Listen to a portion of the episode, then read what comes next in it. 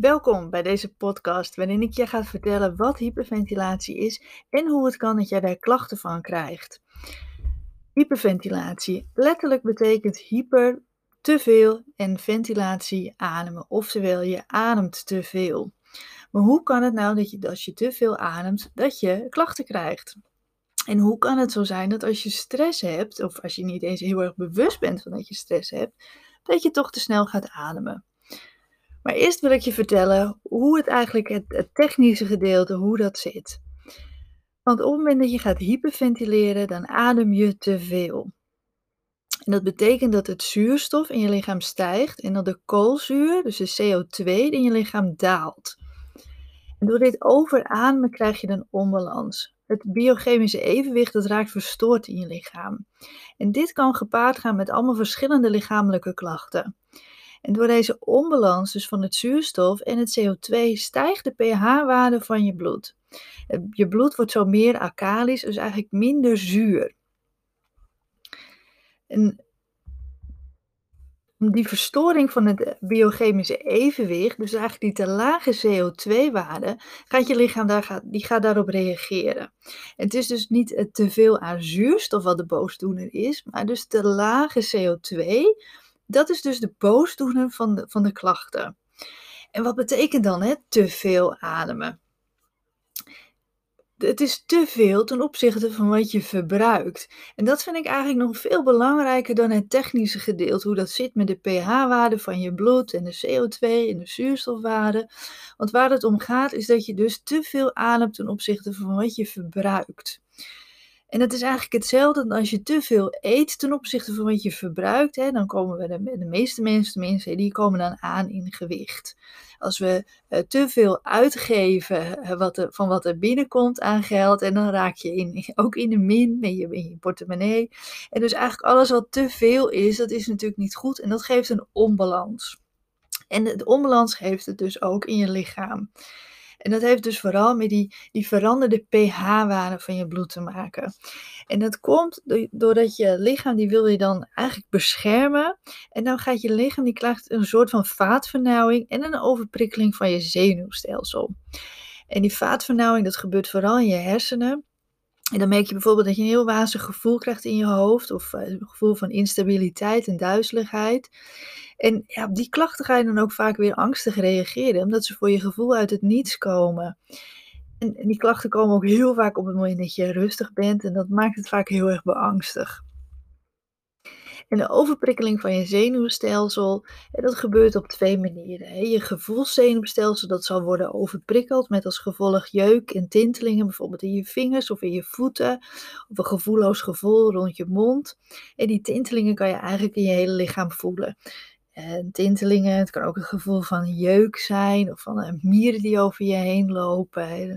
En een heel vervelend ja, eh, sensitief gevoel. Eigenlijk door je hele lichaam. Meest bekende bij de meeste mensen is toch wel in de handen, maar ook rondom de mond en in je gezicht.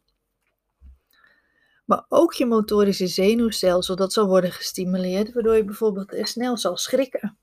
Uh, maar ook rusteloze benen kan je ervaren, prikkelbare darm hebt of heel vaak moet plassen.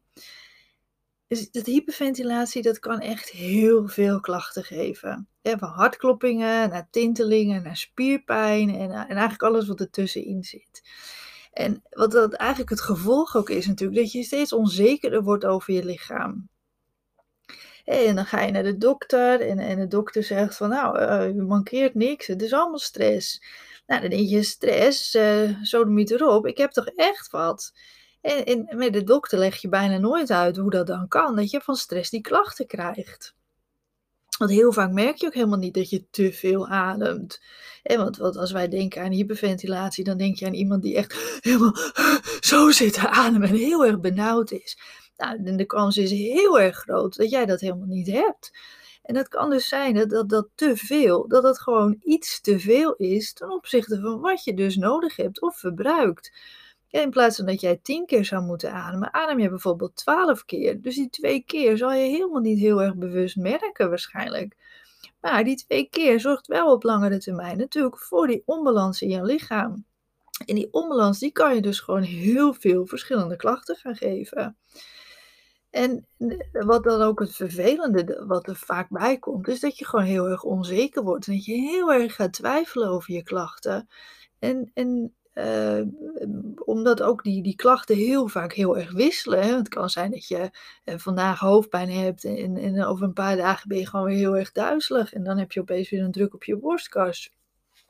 En dat wisselen van die klachten, dat maakt je ook gewoon heel erg onzeker. En dan ga je weer naar de dokter, of misschien durf je al zelfs al niet meer naar de dokter. Ja, en dan krijg je, nou, het is allemaal stress. Ja, hoe, hoe, hoe gaat dat dan?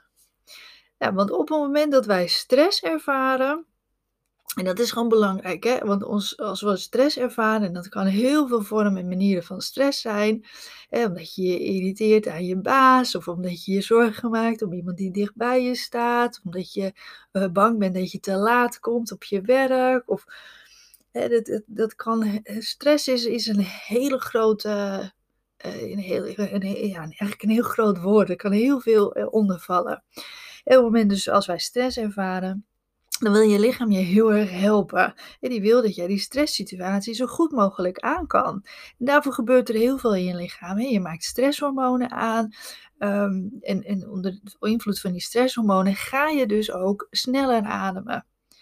En dat is heel handig op het moment dat je ook echt zou moeten vluchten of vechten. Hè? Want daar komt dat vandaan. Hè? Uit die oertijd hadden we eigenlijk natuurlijk alleen de stress als je onvoldoende te eten had. Hè? Of als je in het jagen was en, en je loopt daar in het bos en je bent op zoek naar eten en er staat opeens een leeuw voor je.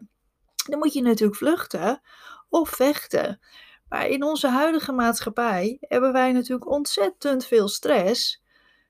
Maar ja, we blijven wel bijna alle tijd gewoon op onze stoel zitten.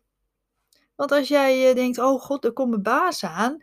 En uh, oh, ik heb mijn werk niet goed gedaan. Of je, of je bent onzeker. Dan zit je op je stoel. Maak jij je zorgen omdat je je kind te laat uh, thuis komt. Terwijl hij nog niet eventjes een appje hebt gestuurd of heeft gebeld. Ja, dan zit jij op een stoel. En zo zijn er heel veel situaties dat wij natuurlijk gewoon stil blijven zitten. Dus we verbruiken die extra energie die jouw lichaam vrijmaakt om te kunnen vechten of vluchten, die verbruiken wij niet. En daardoor ontstaat dus die onbalans. En dat, uh, dat is eventjes in het kort wat hyperventilatie is. Is, alles staat uh, ook uitgebreid uitgelegd op mijn website, dus lees dat zeker na. Er is ook een zoekbalk en dan kan je bijvoorbeeld je klacht invullen. En je zegt, uh, ik heb last van mijn benen of ik heb last van borstkas. En dan kan je die invullen en dan krijg je alle uitleg over dat onderwerp te lezen.